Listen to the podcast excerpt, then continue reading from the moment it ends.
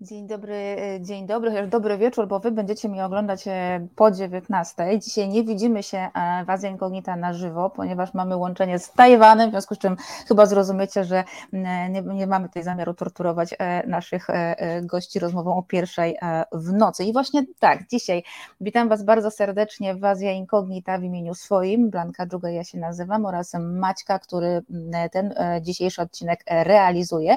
Juliusz Pilarski jest naszym sponsorem, producentem. Bardzo dziękujemy za wsparcie Resetu Obywatelskiego. Jeśli Wy e, też chcecie wesprzeć Reset Obywatelski, to e, wiecie, o właśnie tutaj pojawił się na dole pasek, dzięki któremu wiecie już, e, będziecie zaraz wiedzieć, jak nas wesprzeć. Wiecie, że w tym momencie, zwłaszcza w takim czasie, wolne media są niezwykle ważne. A Wazja Inkognita przenosimy się dzisiaj ponownie na Tajwan, ale w zupełnie innym kontekście niż e, tydzień e, temu. Tydzień temu mówiliśmy e, przede wszystkim o prawach kobiet w kontekście książki Raj pierwszej miłości Fang Syczy. Dzisiaj będziemy rozmawiać o rdzennej ludności tajwańskiej. Też trochę w kontekście książki, o której powiem Wam za godzinę. Taj kraj utracony. Myślę, że muszę zapytać tłumacza, czy to jest nawiązanie do raju utraconego militarizacji Miltona, czy nie, ale mm, o tej książce wydanej przez wydawnictwo Dialog, mówiącej właśnie o e, tajwańskich aborygenach, opowiem Wam za godzinę. A teraz e, witam serdecznie mojego i Waszego e, gościa. Jest nim dr Tobiasz Targosz, sinolog z Uniwersytetu Jagiellońskiego, który obecnie przebywa właśnie na Tajwanie. Dzień dobry. Dzień dobry, witam serdecznie. U, e, u Ciebie, przepraszam, jest jeszcze e, e, dzień, dzień, nie, to już pod wieczór, przepraszam. To tak, nie jest już dziewiąta wieczór, także to już raczej nie dzień. To nie, to dobry wieczór w takim razie. Mamy dzisiaj rozmawiać o rdzennej ludności Tajwanu, ale na początek takie trochę przewrotne pytanie. Skąd na Tajwanie Chińczycy. Kiedy została ta wyspa skolonizowana przez Chińczyków? I właściwie kto był pierwszy? E, Chińczycy czy Holendrzy? Mm, dobrze, okej, okay, oczywiście. E, znaczy, to jest bardzo dobre pytanie, ponieważ e, Tajwan tak naprawdę pojawia się w źródłach wpisanych dzięki Chińczykom. I tak naprawdę, pomimo tej bliskości Tajwanu z kontynentem, z Chinami kontynentalnymi, ta ludność aborygeńska pojawia się w tych źródłach chińskich stosunkowo późno. Także no, oczywiście było to spowodowane postawą mieszkańców wyspy. E, tajwańscy aborygeni od początku stawiali aktywny opór tym przybyszom z kontynentu, Chińczykom. E, I oczywiście no, cieszyli się złą sławą na kontynencie, jako krwiożerczy, okrutni, łowcy głów. E, jeśli chodzi o te pierwsze wzmianki, jak mówimy o tych źródłach chińskich, to mamy tutaj potwierdzone wzmianki ze źródeł historycznych z 230 roku naszej ery. Następnie mamy dopiero kolejne wzmianki dużo później, to jest już okres panowania dynastii Tang. E, i prawdopodobnie wtedy Chińczycy dotarli do archipelagu Wysp Pescadorów. E, potem mamy trochę późniejsze, z czasów dynastii Song, Yuan. E, wreszcie tak naprawdę w tych chińskich źródłach zaczyna się pisać o Tajwanie w czasach panowania dynastii Ming. I tutaj oczywiście Tajwan jest traktowany jako stosunkowo niebezpieczne miejsce zamieszkane przez właśnie tych aborygenów, ale również piratów japońskich i chińskich, zwanych jako Wokou. Mniej więcej w tym okresie też pojawiają się właśnie na wyspie Holendrzy. Także oczywiście tą kolonizację holenderską e, poprzedza przybycie na Tajwan Portugalczyków, którzy e, jeden z żeglarzy portugalskich widzi tę wyspę, nazywają piękną wyspą Illa Formosa. Następnie mamy Hiszpanów, którzy pojawiają się w północnym skrawku i południowym skrawku, nie zbyt wiele. E, mamy tutaj na południu kościół, pozostałość właśnie tego okresu, tej wczesnej kolonizacji hiszpańskiej, najstarszy kościół katolicki na Tajwanie. I oczywiście mamy tych e, Holendrów, którzy hybrydowy, ponieważ oni sprowadzają tutaj Chińczyków z kontynentu, e, którzy są zatrudnieni w rolnictwie, jednocześnie próbują też chrystianizować aborygenów, mamy te początki chrystianizacji, mamy pierwszy przypadek romanizacji, E, języka aborygeńskiego. E, I to jest właściwie ten jakby sam początek. Także no oczywiście początkowo są Chińczycy, co jest oczywiste. Są też Japończycy, czyli ci japońscy piraci. I oczywiście no, potem przybywają Europejczycy, ale pierwsza kolonia, taka faktycznie kolonia, to jest właśnie kolonia holenderska. To czy możesz z, jakoś zarysować specyfikę właśnie tej ludności rdzennej Tajwanu? Co to jest za ludność? E, oczywiście. Tutaj przede wszystkim, jeżeli chodzi o ludność austronezyjską, e, o tych autochtonicznych mieszkańców wyspy Tajwan, no należy podkreślić, że e, tak naprawdę uważa się, językoznawcy, archeolodzy uważają Tajwan jako kolebkę języków austronezyjskich. Mhm. I tak naprawdę, jeżeli mówimy o tych językach austronezyjskich, to trzeba pamiętać, że to są, jest to rodzina języków, które są najbardziej rozpowszechnione na świecie, ponieważ no, one są rozsiane na dwóch oceanach na Oceanie Indyjskim oraz Spokojnym. Możemy te języki odnaleźć e, w różnych miejscach, jak archipelag Wysp Indonezyjskich, e, Madagaskar, Nowa Zelandia, Wyspa Wielkanocna, także miejsca od siebie bardzo oddalone. E, I według australijskiego archeologa Petera Beluda, on zakłada, że tak naprawdę Tajwan jest kolebką tych języków, ponieważ mamy tutaj największe zróżnicowanie języków e, austronezyjskich na świecie na stosunkowo małym obszarze geograficznym. Ponieważ Tajwan jest wielkości mniej więcej Holandii, jeżeli by to próbować przyrównać do warunków polskich, wielkopolskich, prawda? E, pomimo tego ogólnie mówi się, że językoznawcy klasyfikowali około 20 języków. Mamy jeszcze języki, które wyginęły, wymarły e, w trakcie tej kolonizacji, czy kolonizacji holenderskiej, czy późniejszej chińskiej, czy wreszcie japońskiej. I tak, no, obecnie uznaje się takie grupy jak Ami, Atayal, Bunun, Klaalau, Kanakanau, Kawalan, e, Paiwan, Puyuma, Rukai, Saisia, Tao, Tao, Zhou, Truku, Sakizaya i Sediku. I mamy jeszcze lokalnie uznawane grupy, e, których jest bodajże trzy. I mamy grupy nieuznawane, których jest trochę mhm. więcej, mniej więcej około dziesięciu. E, jeżeli chodzi tutaj oczywiście o tę ludność austronezyjską, no ona stosunkowo się pojawia. Tak, mamy teraz bardzo ciekawy, właściwie to jest niedawne znalezisko archeologiczne z 2022 roku, kiedy w, wreszcie udaje się archeologom tajwańskim odnaleźć tych legendarnych negrytów zamieszkujących e, kiedyś Tajwan. Mamy te pierwsze narzędzia, które, właśnie najstarsze narzędzia które były datowane tą metodą radiowęglową, e, to są 30 tysięcy lat wstecz. Tutaj już mamy tych negrytów, którzy są zupełnie jakby innym e, gatunkiem hominidów. Co ciekawe, z 16 tych plemion żyjących na Tajwanie, 15 wspomina o nich w swoich legendach. I tych negrytów się udało w 2022 roku odnaleźć e, ich szczątki mhm. E, w jaskini na wschodnim wybrzeżu Tajwanu. Także to jest ta pierwotna ludność. Co ciekawe, mamy też taką jedną pozostałość, e, właśnie to jest, głównie zakłada się, że ci negryci mogli wymrzeć na Tajwanie, czyli zupełnie inny gatunek ludzi 200 lat temu, czyli stosunkowo niedawno. Co ciekawe, mamy też bardzo zaskakującą dla antropologów i archeologów pocztówkę z okresu panowania kolonizacji japońskiej, na której mamy tych negrytów.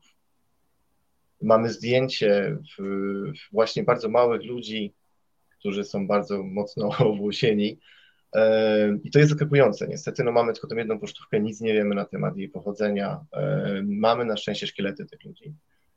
Wiemy, że oni są spokrewnieni z tymi samymi gatunkami hominidów, które występowały na Filipinach i na Indonezji. Takie było takie wielkie odkrycie w Indonezji też w jednej z jaskiń, potem ten gatunek hominida określono hobbitem. Także to jest ciekawe, to jest ciekawy aspekt, jeżeli mówimy o tej ludności autochtonicznej. I mhm. potem mamy te znaleziska, ta kultura Dabankan, która jest y, tak naprawdę, mówi się, że to jest mm, południe prowincji Fujian na kontynencie, no i oczywiście wyspa Tajwan. I mamy pozostałości tutaj sprzed 6 y, tysięcy, to jest ogólnie 3 tysięczny rok przed naszą erą, 4 tysięczny rok przed naszą erą, mniej więcej to jest taka datacja. Mamy bardzo ciekawe znaleziska archeologiczne z regionu tego wschodniego wybrzeża e, Tajwanu, z Tajdongu. Mamy grobowce kamienne, które znowu nasuwają skojarzenia z Wyspą Wielkanocną. E, odnalezione przypadkowo e, w czasie prac przy budowie dworca bodajże tam w Tajdongu. I tak naprawdę no, jest to ludność autochtoniczna. Jest to ludność na pewno autochtoniczna, ale ludność, która obecnie na Tajwanie stanowi zaledwie 2,5% całości populacji. Wrócimy jeszcze do języka, bo to jest dla mnie też bardzo ciekawy temat, ale na pewno nasi widzowie będą e, chcieli zapytać o to, co powiedziałeś e, na samym początku, e, czyli łowcy głów. Dlaczego powiedziałeś łowcy głów? I czy to odnosi się do tej czarno-białego zdjęcia, które mi podesłałeś? Również. To jest zdjęcie z okresu tak zwanego incydentu w Łusze z 1930 roku kiedy Japończycy wykorzystywali jeden szczep aborygenów, jedno plemię aborygenów w walce z drugim plemieniem aborygenów, jakby zezwalając im na połowy ludzkich głów. I w ten sposób e, tłumiąc powstanie e, plemienia Sediku e, z tego okresu. To ja przepraszam, Hmm? Przepraszam, tylko Oczywiście. może poproszę Maćka, żeby pokazał e, widzom, to jest to e, zdjęcie, które ja nazwałam e, głowy, Maćko, żeby było Ci e, e, łatwiej. E, to Maciek odnajdzie, proszę bardzo opowiadaj dalej.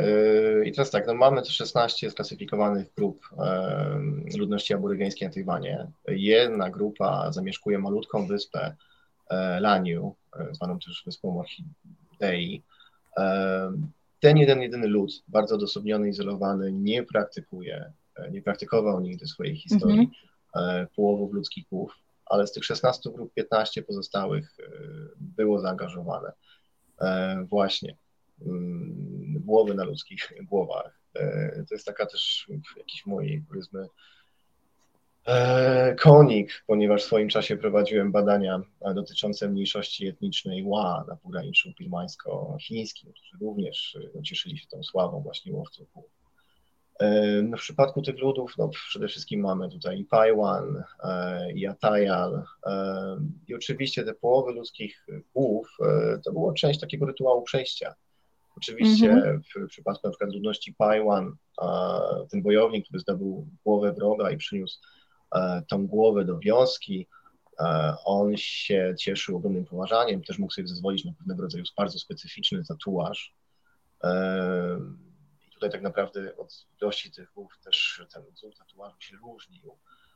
Podobnie to wyglądało w regionie Filipin, Cordillera, również wśród lokalnych łowców Mamy bardzo ciekawe takie źródło misjonarza holenderskiego, Georgiusa Candidiusa z 1627 roku, ja może sobie pozwolę je przytoczyć, bo w, jest opis y, takiego połowu właśnie y, głów y, wśród tajwańskich aborygenów.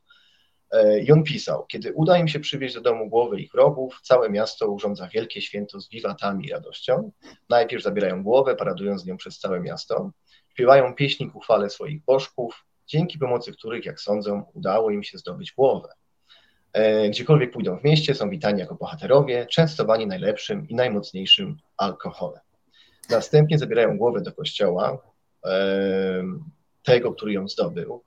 E, na każde 15 lub 16 domów przypada specjalny kościół. To jest oczywiście nazywane jako kościół, no ale mamy źródło misjonarza mm -hmm. z holenderskiego z XVII wieku. Następnie głowa jest gotowana w garnku, aż ciało odpadnie. Następnie pozostawiają ją do wyschnięcia, oblewając ją najlepszym, najmocniejszym napojem zażynają świnie na cześć swoich bożków i w ten sposób urządzają wielkie uroczystości. Także mamy oczywiście takiego rodzaju wzmianki, e, już tak wczesne jak XVII wieku. Mamy te wzmianki ze źródeł chińskich, potem mamy wzmianki ze źródeł japońskich. No jest to dobrze udokumentowany proceder. Mamy też oczywiście zdjęcia do okresu japońskiego. E, także no była to bardzo rozpowszechniona praktyka wśród tych e, ludów aborygeńskich.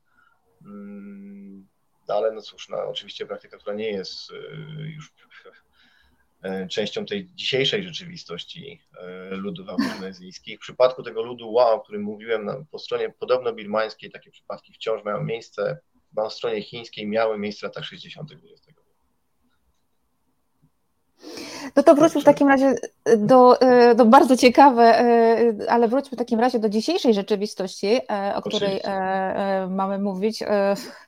Y, więc y, język. Ja zauważyłam, e, czytając właśnie tę książkę, gdzie było dużo e, e, przytoczonych fragmentów, z, mm, bo autor jest, pochodzi z Rukajów, więc rozumiem, że to są języki rukajskie mm, one nie przypominają języka, żadnego z języków chińskich, więc Zupełnie troszeczkę no właśnie, troszeczkę zacząłeś mówić, ale gdybyś mógł troszkę więcej powiedzieć o pochodzeniu tych e, języków, no i e, a to pismo to za chwileczkę. Oczywiście, jeżeli chodzi o te języki, ogólnie mamy ten podział językoznawcy Raleigh Farrell, który podzielił te języki austronezyjskie na Tajwanie na trzy grupy. Mamy języki atajanskie, cołskie i pajłańskie. E, Rukaj będzie najbardziej spokrewniony właśnie z tym językiem Pajwan. Mm. Tak jak już mówiłem, to, to języki austronezyjskie, także naj, będzie im najbliżej na przykład do Bahasa Indonesia, Bahasa Malaysia, czyli języka indonezyjskiego, języka malezyjskiego. Aha. E, nie mają tonów, także odróżniają się tutaj znacznie od tych języków e, synickich. E, I oczywiście no jest to pewien rodzaj problem w przypadku edukacji tych aborygenów. Oni na przykład bardzo często nie słyszą tych tonów, ponieważ języki macierzyste nie mają tych tonów. No tak. Także zwraca się uwagę oczywiście, że ktoś mówi jak aborygen, prawda? Na przykład my tutaj jako osoby z zachodu mówimy jak aborygeni, czyli lewej i oczywiście, no cóż, jak mówiłem, no bardzo rozpowszechniona rodzina języków na świecie. Mhm. I cóż można jeszcze powiedzieć? No ogólnie te języki są w zaniku. Mamy takie często, jeżeli ktoś mówi w tym języku, są osoby mieszkające na wsiach, na prowincji, na tych terenach bardziej izolowanych, w górach, E, wschodnie wybrzeże, które jest najsłabiej rozwinięte. My często myślimy o Tajwanie jako tym zachodnim wybrzeżu, czyli wielkich, wielomilionowych miastach e, z nowoczesną infrastrukturą i mamy to wschodnie wybrzeże górskie, e, które często dopadają różnego rodzaju tajfuny, klęski żywiołowe, trzęsienia mm ziemi i to tak naprawdę jest ostoja aborygenów. I właściwie to jest ostoja aborygenów, ponieważ mamy tam parki narodowe, jest to ostoja aborygenów, ponieważ te warunki życia są tam trudne, choćby z uwagi na te liczne e, klęski żywiołowe, które dopadają ten teren. No I właściwie też z uwagi na elewację no niezbyt się opłaca rozwijać ten obszar Tajwanu. Także właściwie te tereny takie, które są e, niezbyt, e, jakby to powiedzieć, no, życie tam jest niezbyt korzystne, one mm -hmm. pozostały tym aborygenom. Dlatego często się mówi o tych aborygenach w języku chińskim jako kaoszare, przynajmniej tak wcześniej mówiono, czyli ci ludzie e, kaoshan, prawda, żyjący w wysokich górach. E, faktycznie aborygeni niekoniecznie mieszkali w wysokich górach. Ten proces imigracji i kolonizacji chińskiej wypchnął tych ludzi w te rejony górskie. Podobnie to wygląda zresztą na poraniczu limańsko-chińskim, w Yunanie, w Himalajach, gdzie etniczne po prostu były spychane przez tą imigrację chińską. Rejony coraz, y, no, rejony górskie. Mhm. A pismo. Y, kiedyś aborygeni tajwańscy nie posiadali e, pisma, nie posługiwali się pismem, tylko systemem węzłów, e, żeby odnotowywać najważniejsze jakieś wydarzenia historyczne. Na czym to polegało? Znaczy pojawia się taka informacja o tym systemie węzłów. Ona się pojawia mhm. bodajże chyba na stronie Wikipedii. E, ogólnie jakichś takich zmianek w antropologii czy tutaj w etnografii tej zajmującej się aborygenami na Tajwanie niezbyt, no, właściwie nie ma. Jest to podejrzewam jakiś, ale mamy w języku Paiwan takie pojęcie jak wensik. Wensik to oznacza mhm. linie i pasy. E, I to odniesienie linii i pasów, też węzłów, e, mhm. tak naprawdę odnosi się do bardzo wielu różnych przedmiotów. E, niekoniecznie właśnie do jakiegoś systemu węzłów, ale też do tatuaży, do haftu, do malarstwa, mhm. rzeźby. E, I oczywiście, w, no, choćby w przypadku Pajła ten tatuaż jest dobrym przykładem, e, ponieważ arystokracja Pajwan mogła nosić tatuaże. Kobiety miały na rękach tatuaże, które pokazywały tak naprawdę całą jej historię rodzinną. I pochodzenie, z której one wywodzą się wioski, znowu ten rytuał tatuowania był rytuałem przejścia. E, I oczywiście ten tatuaż, ten tatuaż dobiący czy ciała wojowników, czy arystokracji, on rzeczywiście posiadał jakieś informacje dotyczące e, danego plemienia, danego szczepla, klanu rodzinnego. Podobnie jak to wyglądało w przypadku choćby rzeźb. One również bardzo często posiadały, jeszcze te rzeźby zlokalizowane w budynkach świątynnych, one posiadały tam informacje dotyczące historii danego plemienia. Więc myślę, że to jest tak, e, jeżeli by można mówić jakimkolwiek jakby, w cudzysłowie języku pisany, no to właściwie mm -hmm. to, byłyby ta, to byłaby ta kultura materialna, prawda, która nosiła ze sobą jakąś informację dotyczącą e, no, historii tych różnych ludów. To faktycznie mamy bardzo rozwiniętą w przypadku różnych plemion tajwańskich. E, tutaj, przepraszam, używam terminu plemię, ono jest często używane tutaj w nomenklaturze e, antropologii tej tajwańskiej, prawda, jak to było w antropologii zachodniej nie używa się tego, trochę po prostu robię taką walkę językową. Ale o co chodzi? No mamy bardzo rozwiniętą tą historię mówioną, oralną, o tych aborygenów. Mamy dużą ilość mitów, oczywiście spisywane, nagrywane przez tych antropologów chińskich, było spisywane wcześniej przez tych antropologów japońskich.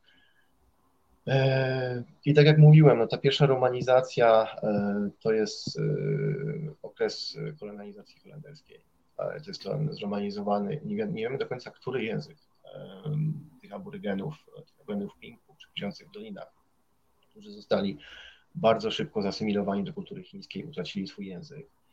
Ale mamy oczywiście ten język Sinkang, tą romanizację używającą alfabetu łacińskiego. I co ciekawe, na podstawie tych badań antropologów japońskich wiemy, że ten język był używany do 1813 roku. Mhm. E, czyli 200 lat po tym, jak Holendrzy opuścili Tajwan, ten, ta romanizacja i ten zapis tych języków aborygeńskich był wciąż używany. Mamy tak naprawdę kilkaset tego rodzaju różnych opisów, dokumentów. To są głównie jakieś dokumenty dotyczące na przykład posiadania ziemi, jakieś akty posiadania własności, jakieś weksle, jakieś informacje dotyczące jakiejś sprzedaży. Mm, także no, trochę nam mówiące o gospodarce tych aborygenów, ale mało nam mówiące o życiu tych ludzi. Mm -hmm. Niemniej jest to ciekawe, ciekawe źródło. Także oczywiście mamy też te późniejsze romanizacje, mamy też ten system, potem próbuje się za pomocą znaków chińskich wpisywać języki aborygeńskie. No, aktualnie mamy tu romanizację która jest używana na Tajwanie do zapisu tych języków. To jest głównie wynik działalności misjonarskiej z lat 60. Mhm.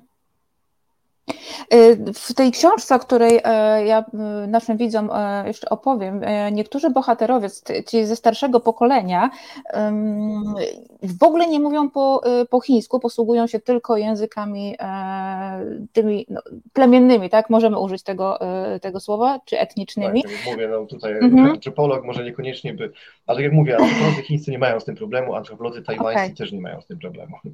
Okej, okay, no to y, uznajmy, że w tej chwili e, przy, przychylamy się do, do antropologów tajwańskich i chińskich, e, czyli tymi, posługują się tymi wyłącznie językami e, plemiennymi. Czy faktycznie tak to jest? To znaczy, tutaj w, w, mamy bardzo specyficzną, do czynienia z bardzo specyficzną e, książką. Ogólnie ten tytuł chiński to jest jakby znikający świat bardziej niż utracony mm -hmm. kraj, czy znikający kraj bardziej na tej zasadzie. E, takie sytuacje jeszcze się zdarzają. Co ciekawe, wśród tych aborygenów e, mamy bardzo dużo tych aborygenów używa niekoniecznie może języka mandaryńskiego w tej codziennej komunikacji. Może używać na przykład języku, języka Mina, czy jest to jest dialekt z prowincji Fujian, czyli po prostu mm -hmm. Hokkien Way. E, może używać języków Hakka, czyli Kedzia. Może też używać, mamy też bardzo ciekawy przypadek wśród jednego ze, szczepów, a Tajar mamy skrolizowaną wersję języka japońskiego. To jest jeszcze używana, to jest jedyny przypadek krolizacji języka japońskiego na świecie. Więc mamy takie pozostałości. Jeżeli chodzi o te starsze pokolenia, to może być z tym problem oczywiście, ale w, co ciekawe, na przykład y, ci niektórzy aborygeni, zwłaszcza ci wiekowi aborygeni nie mówią może po chińsku, ale chodzili do szkoły japońskiej kolonialnym i mówią po japońsku mm. w jakimś tam stopniu. Mamy też wielu Tajwańczyków, tych tak zwanych Belshenren, czyli tych Tajwańczyków urodzonych, wychowanych, nie tych, którzy przybyli na Tajwan po 1939 z Kuomintangiem, tylko tych żyjących tutaj od pokoleń.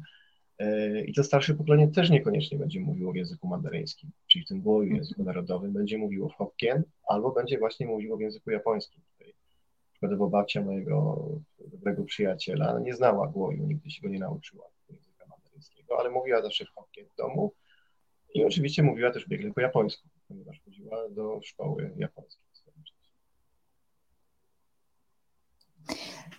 Jasne. E, wspomniałeś o tatuażach i chciałabym ten wątek e, teraz e, troszkę rozwinąć, zwłaszcza, że mamy sporo zdjęć. Maciek, ja Ci tam nazywałam wszystko tatuaż, w związku z czym gdybyś mógł nam po kolei pokazywać, tylko tak dłużej podtrzymaj każde zdjęcie.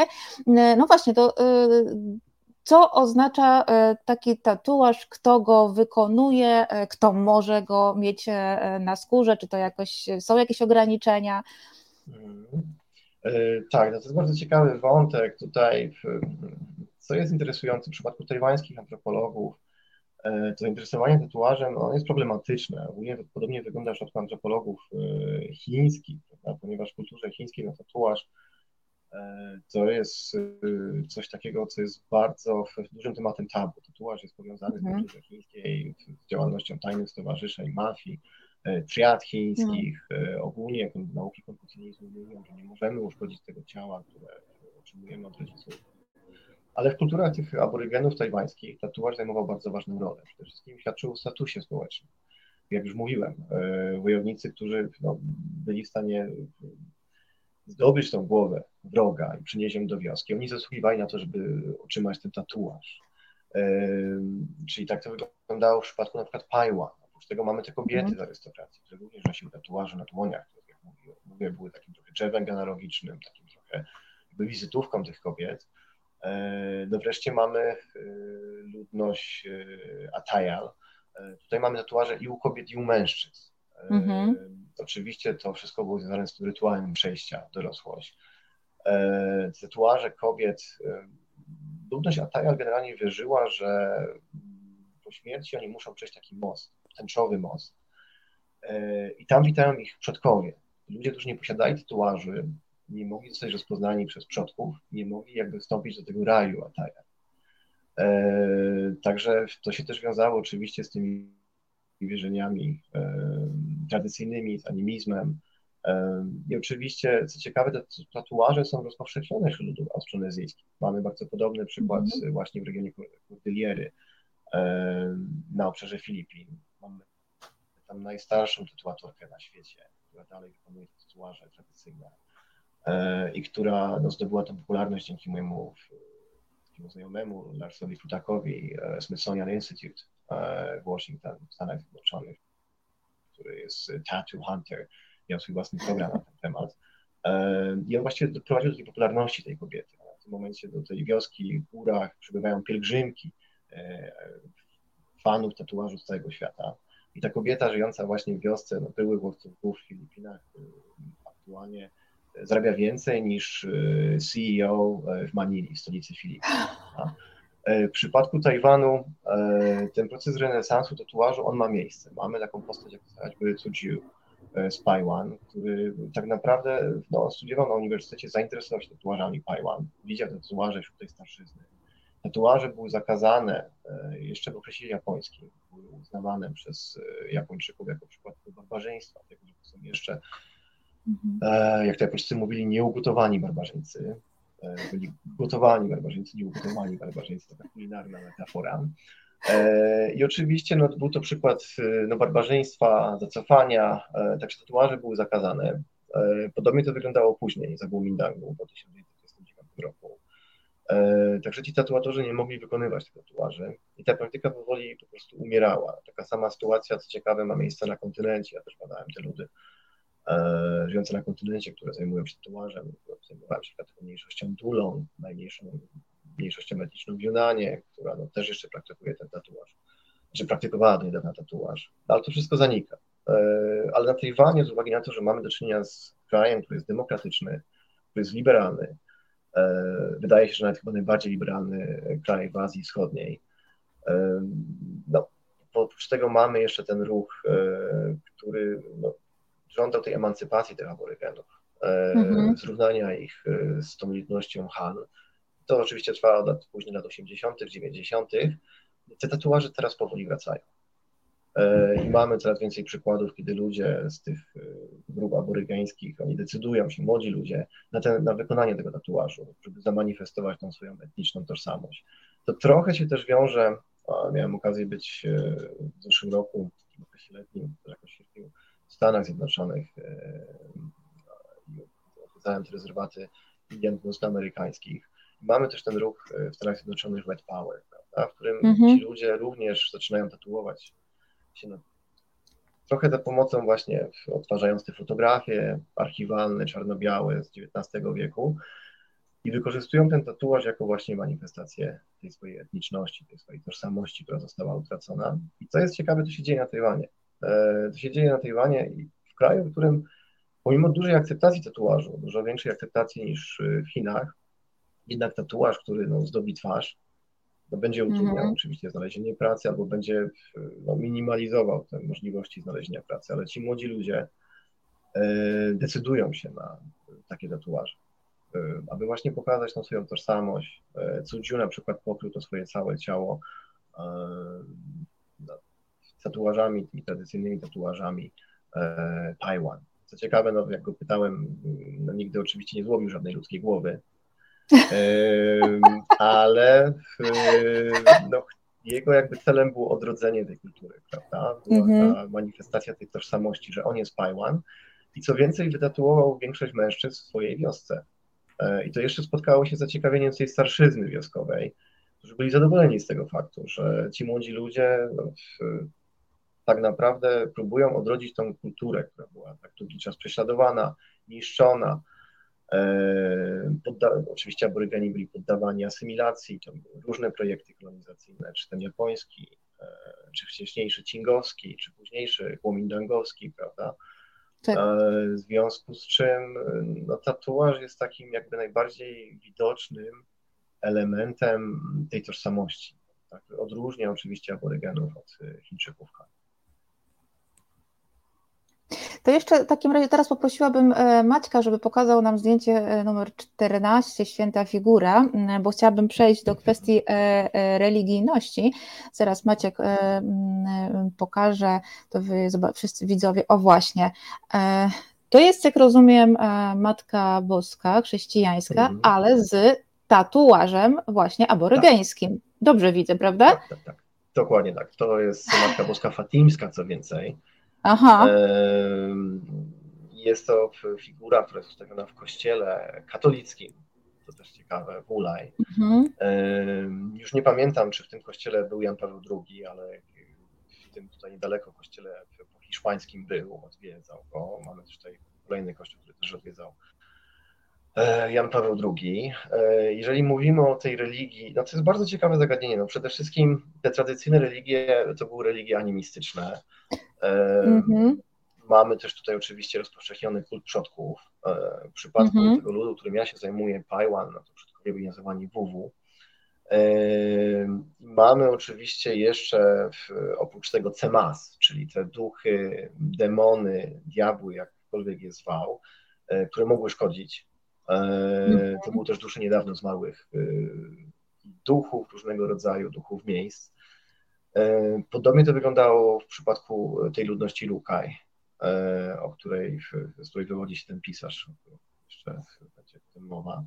E, no ale co ciekawe, od lat 60., nawet właściwie wcześniej, bo te początki chrystianizacji to okres jeszcze kolonizacji holenderskiej, ale w latach 60. XX wieku mamy bardzo natężoną akcję misjonarską na terenie Tajwanu mm -hmm. wśród tych aborygenów.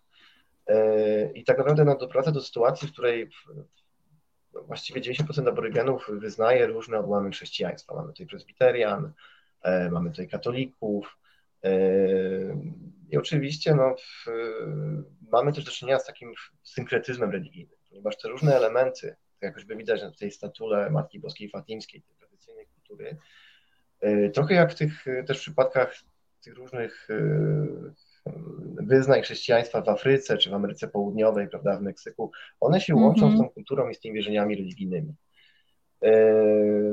I ten synkretyzm można zauważyć w, w bardzo wielu miejscach. Na przykład wśród tego ludu Paiwan skrzynia eucharystyczna, tak bardzo ważne miejsce, prawda, w, w którym się przechowuje to chlebo i wino, które, potem chleb i wino, prawda, które potem zamienia się w mhm. ciało Chrystusa. Ona w wersji tej pajwańskiej Y, jest kopią skrzyni szamanów do przechowywania ofiar z kości świni. I tak to wygląda w kościołach y, Taiwan. Y, także mamy ten znowu przykład tego synkretyzmu religijnego, tej takiego pewnego hybrydy tych wierzeń. Prawda? I to jest ciekawe, ponieważ ci ludzie, wielu tych ludzi zostało no, stosunkowo niedawno nawróconych na jakieś odłamy chrześcijaństwa. Prawda? Czyli ta religia mhm. jakby w, tak naprawdę no, łączy się z tymi właśnie dawnymi wierzeniami. Jeśli mógłbym pozwolić sobie taki fragment, ponieważ ja zajmuję się też, tłumaczę teraz e, powieść takiego pisarza z ludu Paiwan, e, Sakinuya Ronglong. I on pisał właśnie o tym, jak on wraca do tych tradycyjnych wierzeń swojego ludu Paiwan, no ale jego ojciec jest żarliwym chrześcijaninem, nawróconym na chrześcijaństwo. I on uważa te wszystkie jakby tradycje, których on próbuje wrócić, jako tak naprawdę przykład jakiegoś pogaństwa, czarnoksięstwa. Mhm. I tutaj, przepraszam, muszę to znaleźć, mam tu taki zanotowany fragment. Mamy tam dramatyczną dyskusję tego pisarza ze swoim ojcem. On próbuje przekonać tego swojego ojca o konieczności powrotu tych starych tradycji ludu Paiwan. I pisze i mówi coś takiego. Nie rozumiem, dlaczego pozwoliliśmy, by chrześcijański Bóg zastąpił duchu, duchy naszych przodków, a historie biblijne zajęły miejsce naszych mitów. Czy chrześcijański Bóg jest naprawdę aż tak zazdrosny? No niestety no nie udaje się tego ojca przekonać. On dalej uważa, że ta ceremonia, którą chce, to jest ceremonia ślubna, tradycyjna, przeprowadzić, to jest po prostu e, palisi w języku Pajwan, czyli czarnoksięstwo. E, następnie ten Sakinu, ten pisarz komentuje, że on stara się zrozumieć tę postawę swojego ojca e, i w jego głowie był tylko Jezus. To on był jedynym prawdziwym Bogiem, inne wierzenia były szatańskie. Także mamy też właśnie, to jest ciekawe, że to stare pokolenie zostało nawrócone na chrześcijaństwo, wyrzekło się mm -hmm. tych starych mhm. religii i zwyczajów, ale to nowe pokolenie w tych nowych, zmienionych warunkach demokratycznego Tajwanu, który się liberalizuje w latach 90., oni wracają do tej kultury przodków, do wierzeń przodków. I to oczywiście czasami mm -hmm. się spotyka z oporem tego starszego pokolenia, które no, edukowało się w czasach tego reżimu Kuomintangu i tej idei wielkiego hanizmu, czyli asymilacji wszystkich grup mniejszościowych do tej tożsamości Chińczyków Han. Może Maćko, poprosiłabym Cię, byś pokazał zdjęcie numer dwa. To jest, y, z, o ile pamiętam, jak dobrze mówiłeś mi, to jest ze ślubu zdjęcie. Zaraz zobaczymy. Tak, tak to jest ślub Taiwan. Y, Miałem okazję uczestniczyć mm -hmm. w mhm. ślubie tradycyjnym. I to jest o tyle rzadkie, znaczy teraz zdarzają się takie sytuacje, że aborygeni tajwańscy na jakieś ważne wydarzenia, właśnie ceremonie ślubne, jakieś zdjęcia takie pamiątkowe, ubierają się w te stroje tradycyjne. Na co dzień mm -hmm. aborygeni ubierają się tak samo jak my, w te stroje zachodnie, nazwijmy.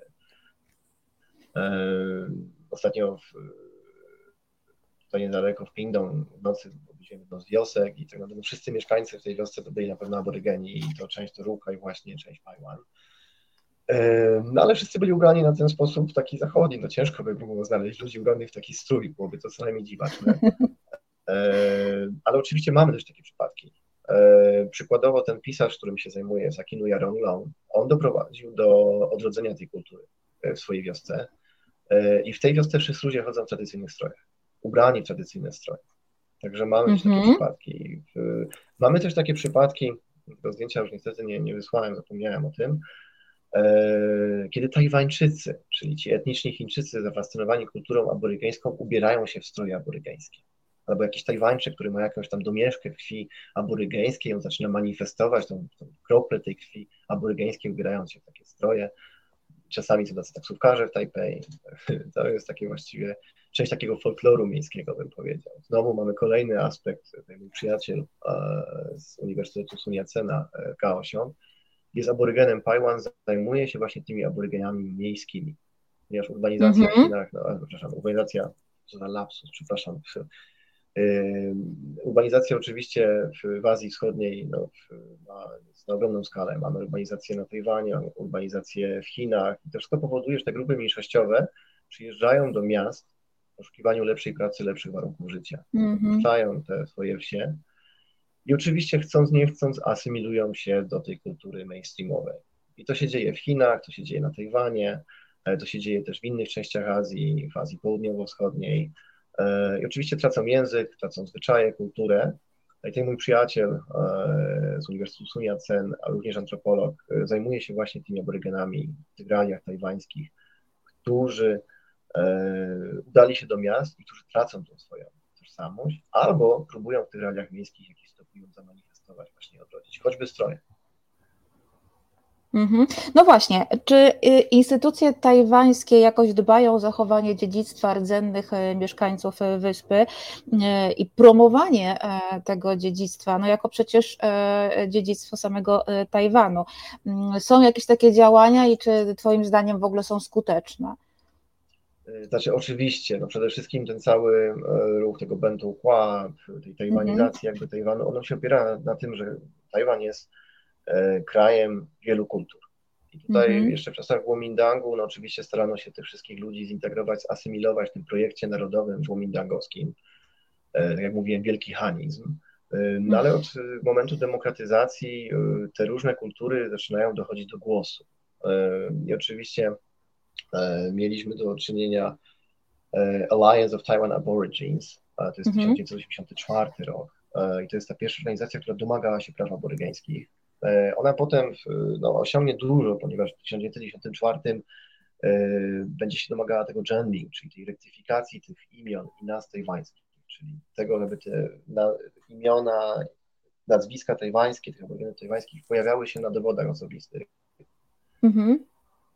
E, następnie mamy właśnie 95 rok, kiedy to przechodzi. I oczywiście rząd się na to zgadza. Jeszcze teraz, obecnie, w czasach rządów DPP, tej Partii Demokratycznej, Progresywnej Demokratycznej mhm. Partii Tajwańskiej i rządów prezydenta Tsai Ing-wen, E, ta promocja tych kultur aborygeńskich, promocja też, co ciekawe, ja się aktualnie zajmuję e, imigrantami z Azji Południowo-Wschodniej żyjącymi na Tajwanie, e, no to jest część polityki wewnętrznej.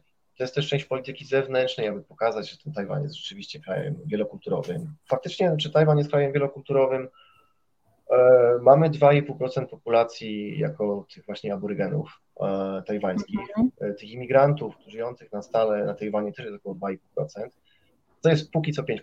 Ogólnie w naukach społecznych zakłada się, że mówimy o kraju multikulturowym, kiedy mamy 6%, jest przekroczone jakby 6% populacji.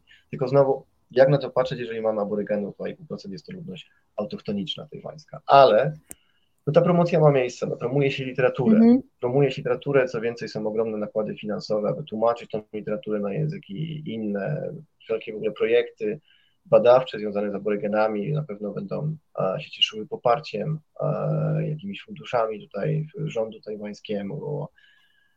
E, tylko tak, e, no niekoniecznie słucha się tych aborygenów mimo wszystko. Mm -hmm. To podobnie to wygląda jak w przypadku imigrantów z Azji Południowo-Wschodniej. Są to programy odgórne. E, oczywiście aborygeni też mają swoje przedstawicielstwo w rządzie tajwańskim.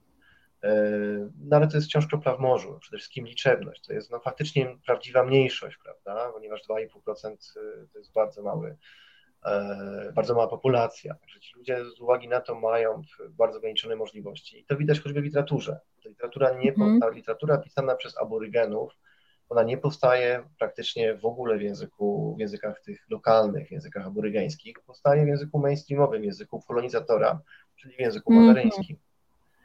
E, także no tutaj mamy do czynienia z tym gwałtem symbolicznym, jakby chciał powiedział, prawda? E, no tak. Ponieważ jest używany język kolonizatora. Podobnie to wygląda w Ameryce Północnej, w Kanadzie, podobnie to będzie wyglądało w Stanach Zjednoczonych. Prawda? Wykorzystuje się język kolonizatora do przekazania jakiejś informacji dotyczącej tej kultury lokalnej. Także no, aborygeni oczywiście cieszą się teraz ogromnym poparciem. Mamy przykładowo Ciao Sefu, komika, stand-upera, żyjącego w Tajpej, właśnie z Udu Paiwan, e, który żyje w Tajpej, który jest bardzo cenionym stand-uperem tajwańskim, często mówi o tych przypadkach dyskryminacji w stosunku do aborygenów. E, on jest bardzo lubiany, popularny, uważa się, że aborygeni mają dobre poczucie humoru, mamy bardzo wielu muzyków, to znowu się wiąże ze stereotypem dotyczącym aborygenów, że, muzy- że aborygeni tylko śpiewają, tańczą i piją wino ryżowe. I to jest taki niestety krzywdzący stereotyp, ale mamy no bardzo tak. wielu muzyków e, spośród aborygenów, muzyków wykonujących muzykę reggae, R&B, e, hip-hop, nawet mamy taką wokalistkę z ludu Paiwan, która nawet teraz wydano książkę z wywiadami na jej temat, jak to się stało, że ona stała się gwiazdą muzyki popularnej tajwańskiej, chociaż z takiej biednej właśnie wioski Paiwan. E, więc rzeczywiście mamy tę promocję. A dlaczego ta promocja ma miejsce? No, chodzi o to, żeby odciąć się jak najbardziej jest to możliwe od Chin. Jeszcze w momencie, w którym te Chiny są agresywne i wysuwają różne roszczenia w stosunku do Tajwanu, podobnie jak, nie wiem, Rosja w stosunku, mm -hmm. Federacja Rosyjska w stosunku do Ukrainy, prawda? Tutaj często Tajwańczycy porównują tę sytuację tak. Tajwanu do sytuacji Ukrainy. W związku z czym jest ten nacisk na kultury rdzenne, kultury autochtoniczne e, i w ten sposób manifestuje się tą właśnie tajwańskość to jest właśnie bardzo dobre. Zresztą był taki moment, kiedy tajwańscy aborygeni e, e, wydali taki manifest, e, sprzeciwiając się jakby temu, co mówił prezydent Chin, prezydent, Chin, Xi Jinping, mm -hmm. I stwierdzili, że tak naprawdę no, oni są autochtonami, cenną ludnością Tajwanu. I tak naprawdę no, wiele rzeczy nie zostało jeszcze naprawionych na Tajwanie, ale dla nich wizja kolonizacji chińskiej obecnie jest równie przerażająca jak ta wcześniejsza kolonizacja, czy gumidangowska, czy japońska, czy mhm. holenderska. Więc no, oni w jasny sposób zamanifestowali to, że nie chcą być częścią tego projektu e, narodowego chińskiego. Właściwie stanęli po stronie tej ludności tajwańskiej, prawda, jako przedstawiciele tego, przedstawiciele Tajwanu jako takiego.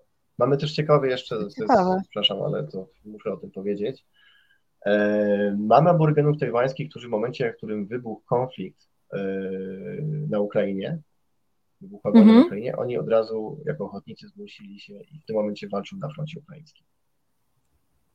No to bardzo e, ciekawe. Aby pokazać, tak, tak. Aha. To było często komentowane tutaj w wiadomościach. No jest ogólne, mhm. ogromne poparcie dla, dla Ukrainy wśród Tajwanu. Przede wszystkim no, mhm. Utożsamiają się z sytuacją Ukrainy. Mhm. Ale to, że aborygeni jako pierwsi tam udali się i walczą w tym momencie, no oczywiście to wiąże się z tym, że oni mają te tradycje, powiedzmy, wojenne, prawda? Jak to Brytyjczycy by chcieli, martial races. To dzisiaj wielu aborygenów są łowcy, myśliwi, I w momencie, w którym wybuchł ten konflikt, aborygeni, część tych aborygenów udała się na front i dalej tam walczy. Także no, jest to interesujący aspekt. Bardzo interesujący. Czy to jakoś e, zmieniło postrzeganie, czy zmieniło może E, czy to sprawiło jakoś, że e, Tajwańczycy mm, nie e, rdzenni, jakoś inaczej, bardziej przychylnie mm, zaczęli patrzeć na aborygenów? Do marginalizacji zaraz przejdziemy, ale najpierw właśnie mhm. o to chciałabym zapytać. To znaczy, no tak, no są wciąż te stereotypy, one są zauważalne i to wydaje mi się, że no tak, ten proces trwa. Ten proces trwa powiedzmy od tych późnych lat 80., y, to wciąż ma miejsce. Oczywiście y, jest coraz więcej sympatii dla aborygenów jako takich, coraz więcej zrozumienia dla sytuacji aborygenów. Mm-hmm. Dorasta też nowe pokolenie Tajwańczyków, które czuje się Tajwańczykami. Tutaj mamy jeszcze prawda, tych ludzi, którzy przybyli na Tajwan z Kuomintangiem w 1939 roku. Y, tylko to pokolenie już powoli wymiera. I ci ludzie nie zupełnie, ci młodzi ludzie żyjący na Tajwanie, urodzeni na Tajwanie, którzy dorastali w realiach tego demokratycznego Tajwanu, oni się zupełnie nie identyfikują z chińską kulturą. To jest coś dla nich zupełnie mhm. obcego. A ta kultura tajwańska, ta kultura tajwańskich aborygenów jest dla nich szalenie interesująca. E, co ciekawe, mamy też to specyficzne podejście aborygenów, którzy no, czują się tak naprawdę trochę jak teraz ci współcześni imigranci z Azji Południowo-Wschodniej, włączeni w pewien projekt polityczny, narodowy, pewną politykę partii, też nie do końca się ich słucha w tym całym projekcie, prawda? To, co oni mają do powiedzenia, ponieważ jest jakaś wizja, jest ta wizja multikulturalizmu, która jest narzucona przez DPP e, na całą populację.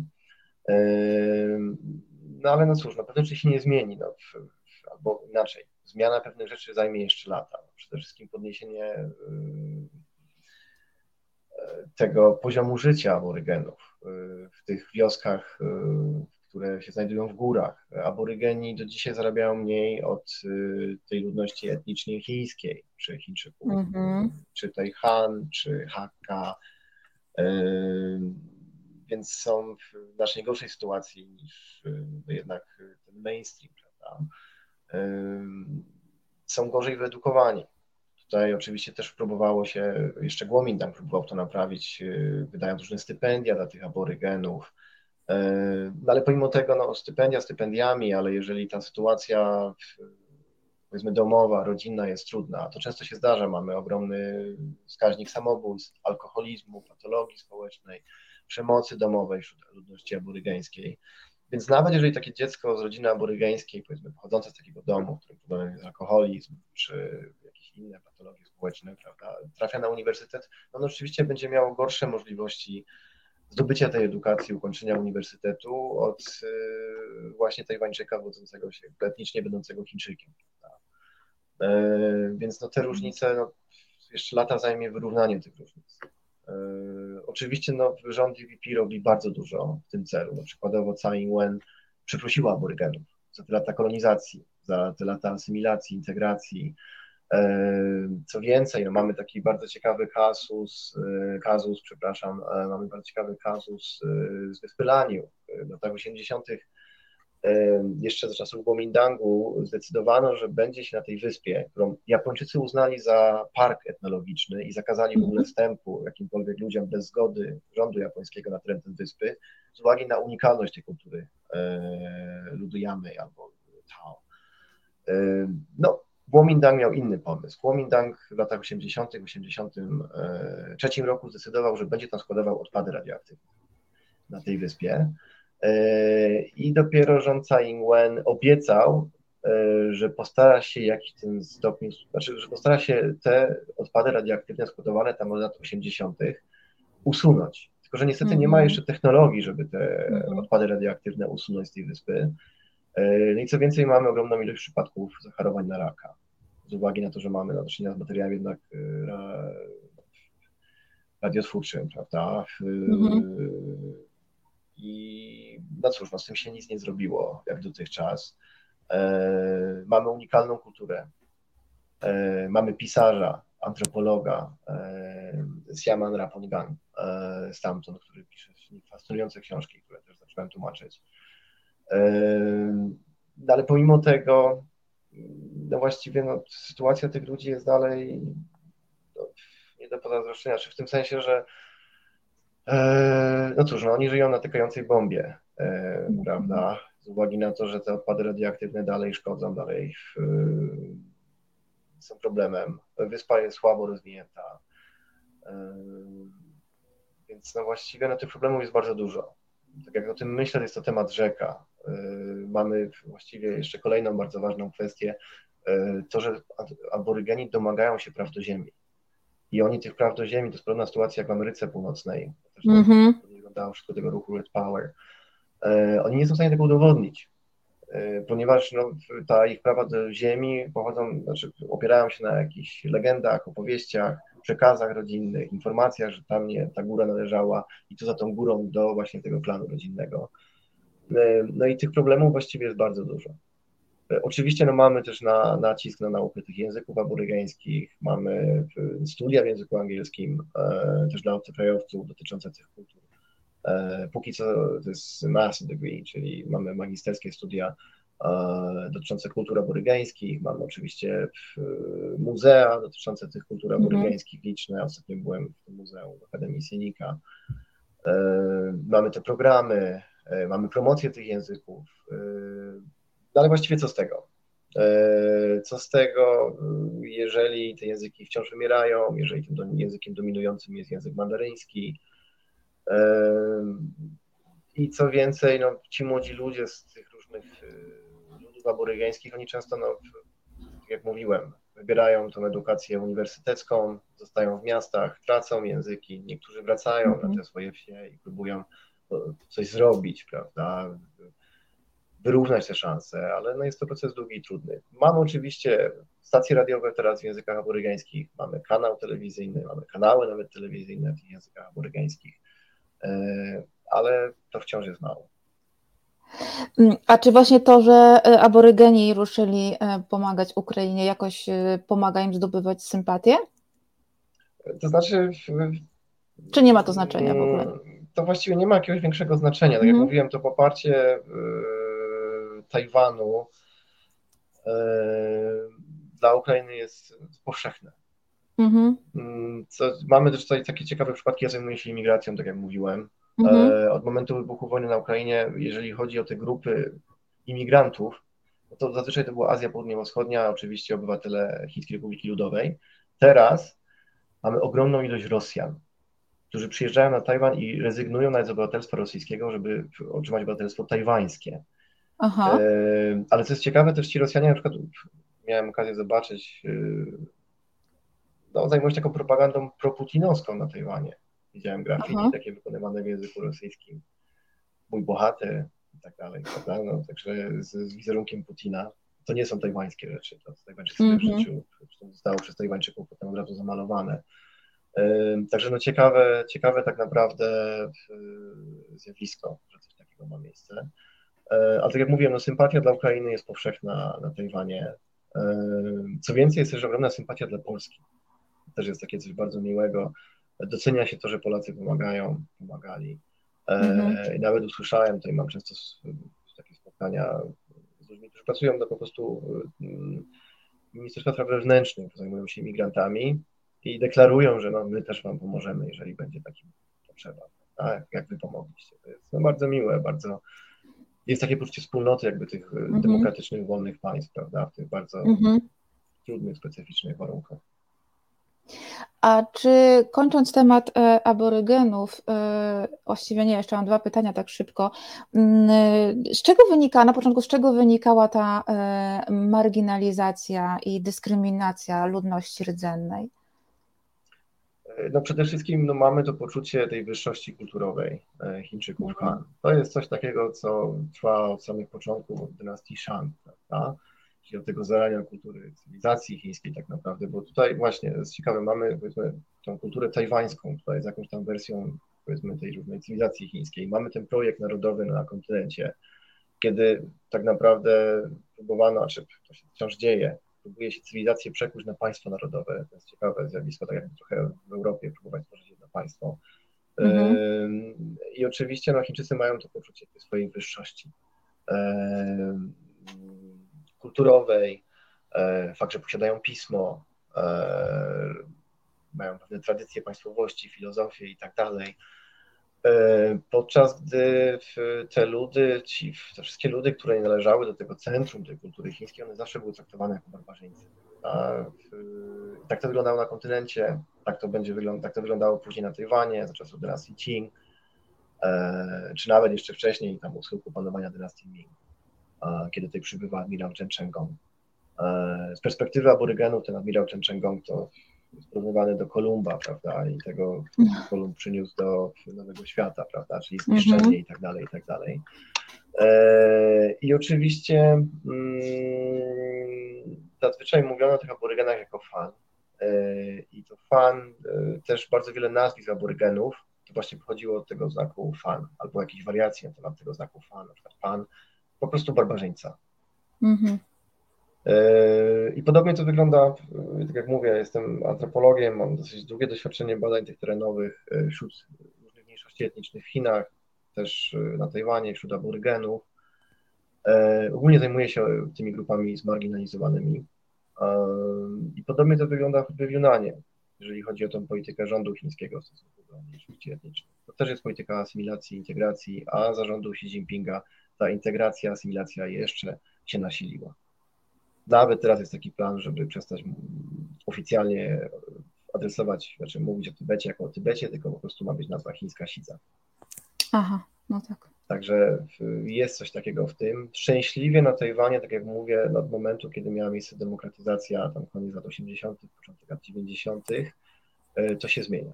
Mamy do czynienia z mhm. demokratycznym, liberalnym państwem, które rzeczywiście daje możliwość reprezentacji swoich interesów, tożsamości i tak dalej, co się oczywiście dzieje. Pytanie, czy to, czy to nie jest już trochę za późno? Mhm. Podobne mam takie odczucia, jeśli myślę o na przykład Indianach północnoamerykańskich. Mhm. Jakiś mały ułamek, różne patologie społeczne, są marginalizowani. E, no i oczywiście znajdują się no, są faktycznie mniejszością państwa narodowego, projektu narodowego amerykańskiego. Także tak samo na Tajwanie.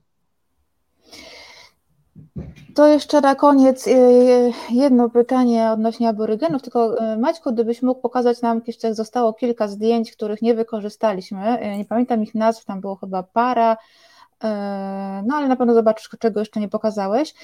A Ciebie to, Tobiaszu, chciałabym zapytać o to, czy jest jakaś wspólnota, właśnie takie poczucie wspólnoty aborygenów. O, to jest, to jest pocztówka, tak? Mm. Aha. Tak, tak, tak. To jest pocztówka japońska. To jest ciekawe, że właśnie my teraz korzystamy jako antropolodzy y, również z tych y, pozostałości tej dokumentacji japońskiej, bo mieliśmy tam i Ino Kanori, e, Bukano Tadao, Ushino Sukemori, Tori Ryuzo. E, także no, ci ludzie jakby dokumentowali też właśnie tych nowoczesnych technologii, e, zdjęć tych aborygenów. Czy jest jakieś poczucie wspólnoty? Na pewno jest, ponieważ oni jako grupa, nie jako podzielone plemiona, no, stanowią już jakąś siłę, prawda? Nawet mając mm 2,5% populacji. E, więc tak jak mówiłem, w 1984 powstaje to Alliance of Taiwan Aborigines. I ono rzeczywiście, no, tak jak mówię, no, doprowadziło do dużych zmian. Mamy to, że teraz w tych dokumentach mm, te imiona, nazwiska aborygeńskie nie są w znakach chińskich, to są w tej zromanizowanej formie aborygeńskiej. Mamy, co ciekawe, właśnie antropologów mhm. z tych różnych ludów, choćby tego pisarza Siama, z, z właśnie z Laniu, z wyspy Laniu, który jest i pisarzem, i antropologiem. I on popularyzuje tą kulturę. Oczywiście no, mamy też wspólnotę losów. Ci ludzie mhm. przeżyli mhm. bardzo podobne, znaczy mieli bardzo podobne doświadczenia, prawda? I też różne te reżimy kolonialne no, często wykorzystywały tą starą rzymską zasadę divide et impera, prawda? Czyli dzielono tych ludzi, szczuto ich na siebie, starano się te ludy podzielić. No ale w tych nowych realiach y, ci ludzie dostrzegają, że mają więcej wspólnego, więcej ich jakby łączy niż różni. Także w tym sensie rzeczywiście jest jakieś poczucie wspólnoty. No i mamy jeszcze tą literaturę pisaną w języku chińskim, mm-hmm. która też jest jakimś. Co ciekawe, ci pisarze, no oni często dostają nagrody. To też jest jakiś taki sposób promocji, prawda, tych kultur tajwańskich. Oczywiście. Więc ta literatura jest ciekawym, też dla antropologa jest ciekawym zagadnieniem, bo to jest jakby źródło pierwsze, prawda? Antropolog często mm-hmm. opiera się na tym w jakimś wywiadzie i tak dalej. Tu mamy trochę jak tak Clifford Geertz, prawda? Pisał, że mamy to źródło, mamy ten, ten, tą wiedzę lokalną, podaną nam przez abory, aborygena, właściwie na tacy, mówiąc tak brzydko kolokwialnie. Bardzo dziękuję za wszystkie te pieśni. To jest fascynujący e, temat, fascynująco nam go przedstawiłeś. Ja tylko kończąc, muszę zapytać, biorąc pod uwagę, że jesteś teraz na Tajwanie, jak wygląda sytuacja po tej nieszczęsnej podróży Williama Laya mm, do Paragwaju z przystankami e, w Nowym Jorku i Los Angeles, o ile pamiętam, Los Angeles też chyba. Mm, no i oczywiście Chińczycy odpowiedzieli e, w swoim stylu, jak właśnie wygląda sytuacja w tej chwili. E, znaczy tak, no społeczeństwo tajwańskie oczywiście e, jest tym zmartwione, ale te różnego rodzaju prowokacje chińskie to nie jest jakby pierwszy raz mm-hmm. w historii Tajwanu. Mieliśmy różne kryzysy nad cieśniną tajwańską, które no, przeradzały się w konflikty zbrojne, prawda.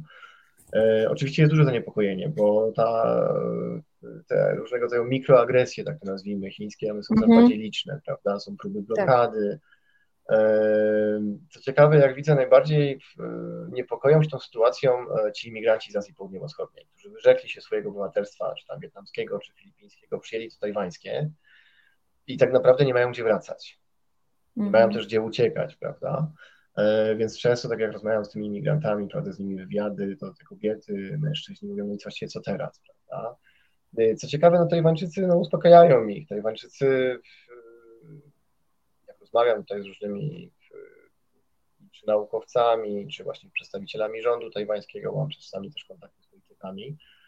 E, oni mówią, że no przede wszystkim musimy być gotowi na konflikt, ale musimy też pokazać Chinom, że jeżeli nas zaatakują, to to ich zaboli.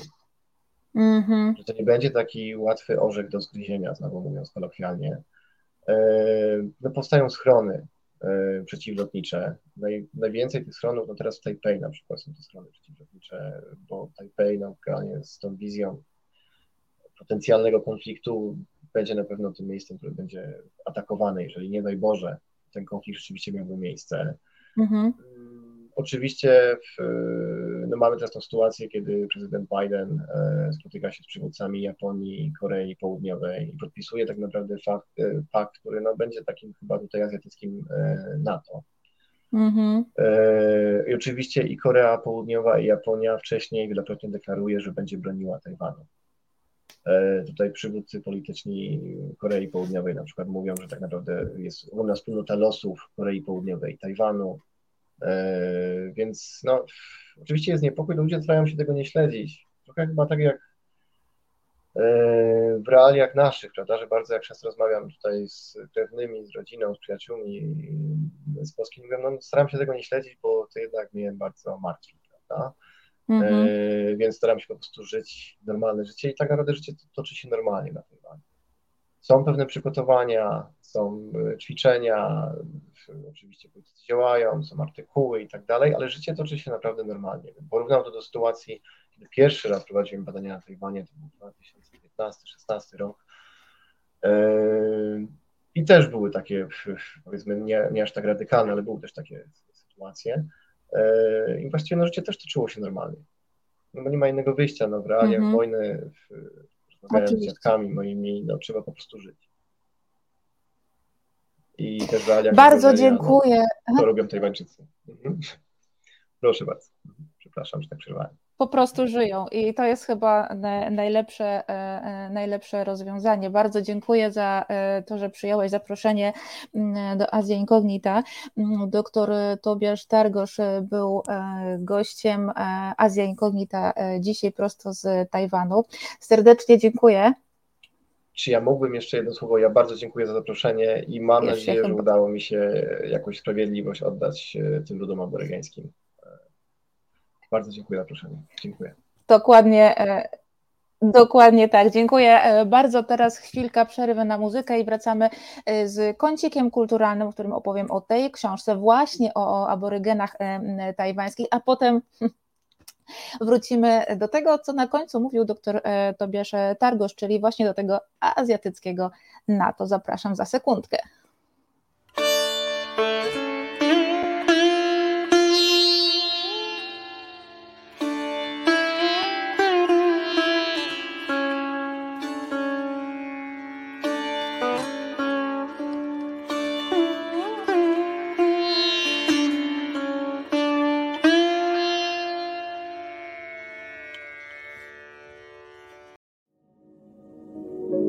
Na związki. Czas na nowoczesne, postępowe związki zawodowe. Będzie kontrowersyjnie i dynamicznie. Rozmawiamy o sprawach, które mogą nas łączyć lub dzielić, jak na przykład kwestia wysokości podatków czy rola związków zawodowych. W programie pojawią się eksperci rynku pracy oraz związkowcy i związkowczynie. Każdą środę na 17 Piotr Szumlewicz zaprasza do Resetu Obywatelskiego.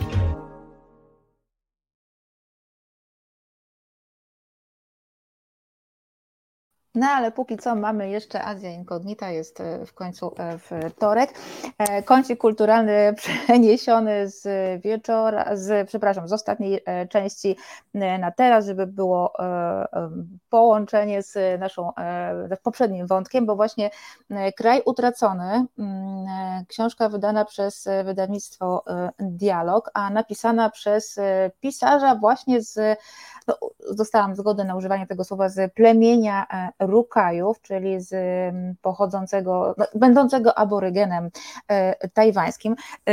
E, fantastycznie, że taka książka ukazuje się w języku polskim, że ukazuje się w Polsce, że możemy poczytać o temacie, który myślę, że dla większości Polaków jest absolutnie nieznany. Ja też przecież jestem orientalistką, a no, nie wiem niewiele mm, wiedziałam. E, dziękuję Ci bardzo, Baćku, e, za, za zdjęcie. Mm, nie wiedziałam wiele o tym, e, o tym temacie, także mm, fantastycznie, że taka literatura się po polsku też ukazała że mogliśmy zrobić o tym, e, że mogę Wam o tym też e, opowiedzieć i że Wy będziecie mogli o tym e, przeczytać. Co to jest za książka? Teoretycznie są to wspomnienia. Są to wspomnienia, ale pisane w formie troszeczkę powieści. Czyta się to właściwie jak e, powieść. Są też dialogi, to nie jest e, elity tekst.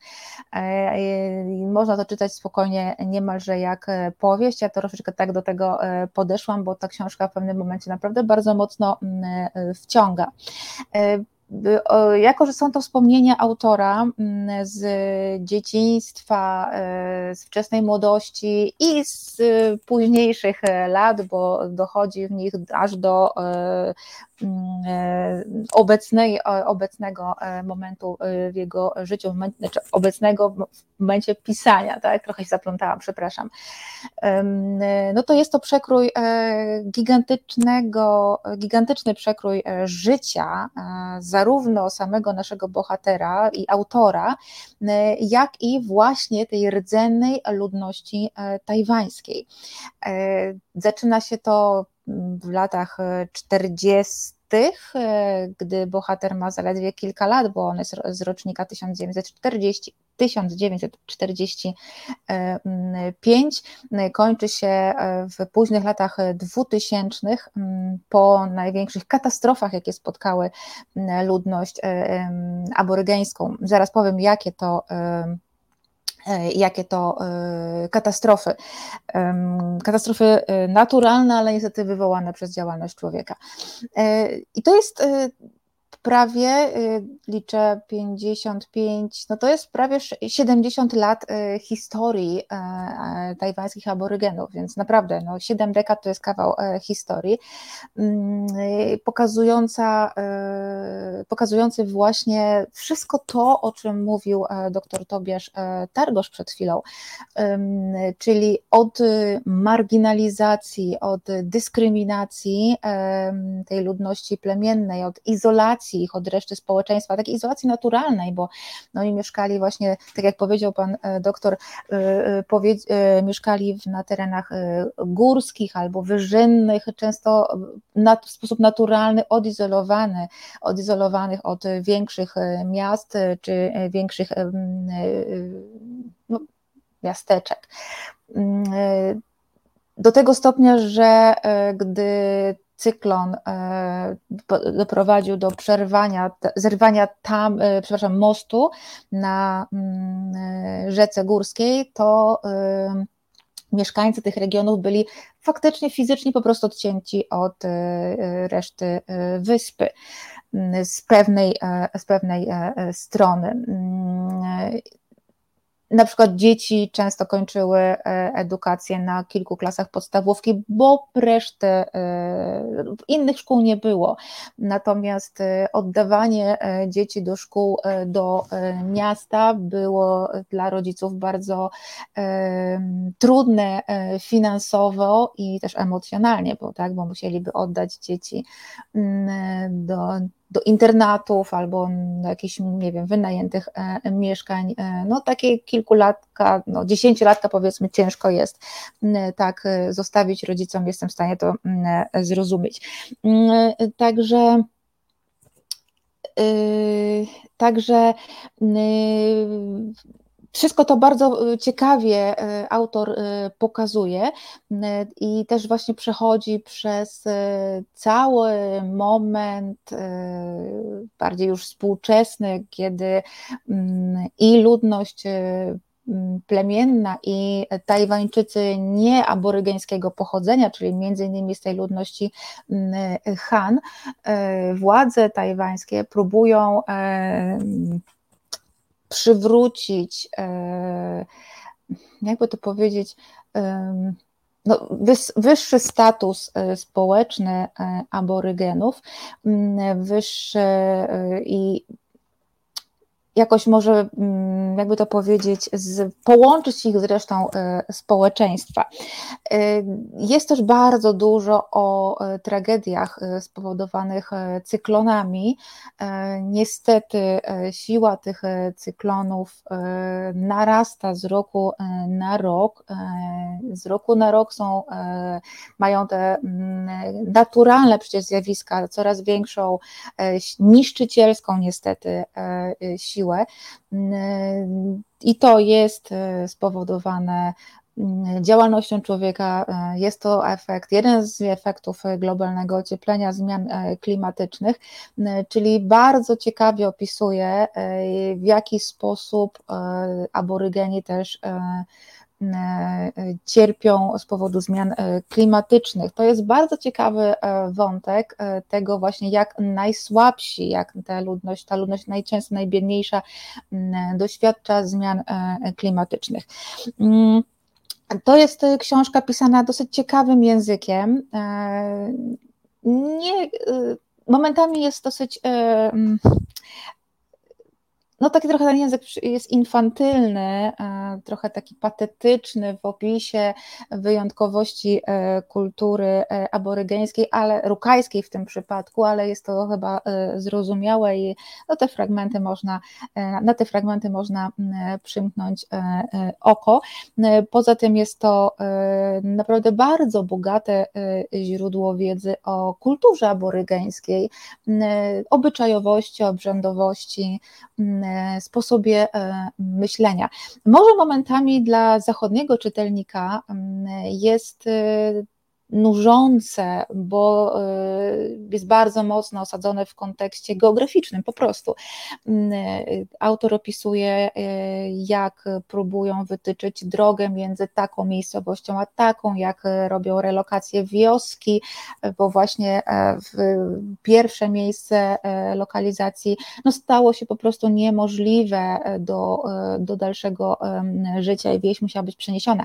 I o ile sam proces przenoszenia tej wsi jest bardzo ciekawy, tak, czyli podejście starszych mieszkańców i nawet i młodszych, którzy e, obawiają się pozostawienia miejsca, gdzie pozostali ich przodkowie, czyli przywiązania do tej kultury animistycznej, religii animistycznej, do wiary w duchu, duchy e, e, przodków, to przywiązanie do miejsca, to jest fascynujące.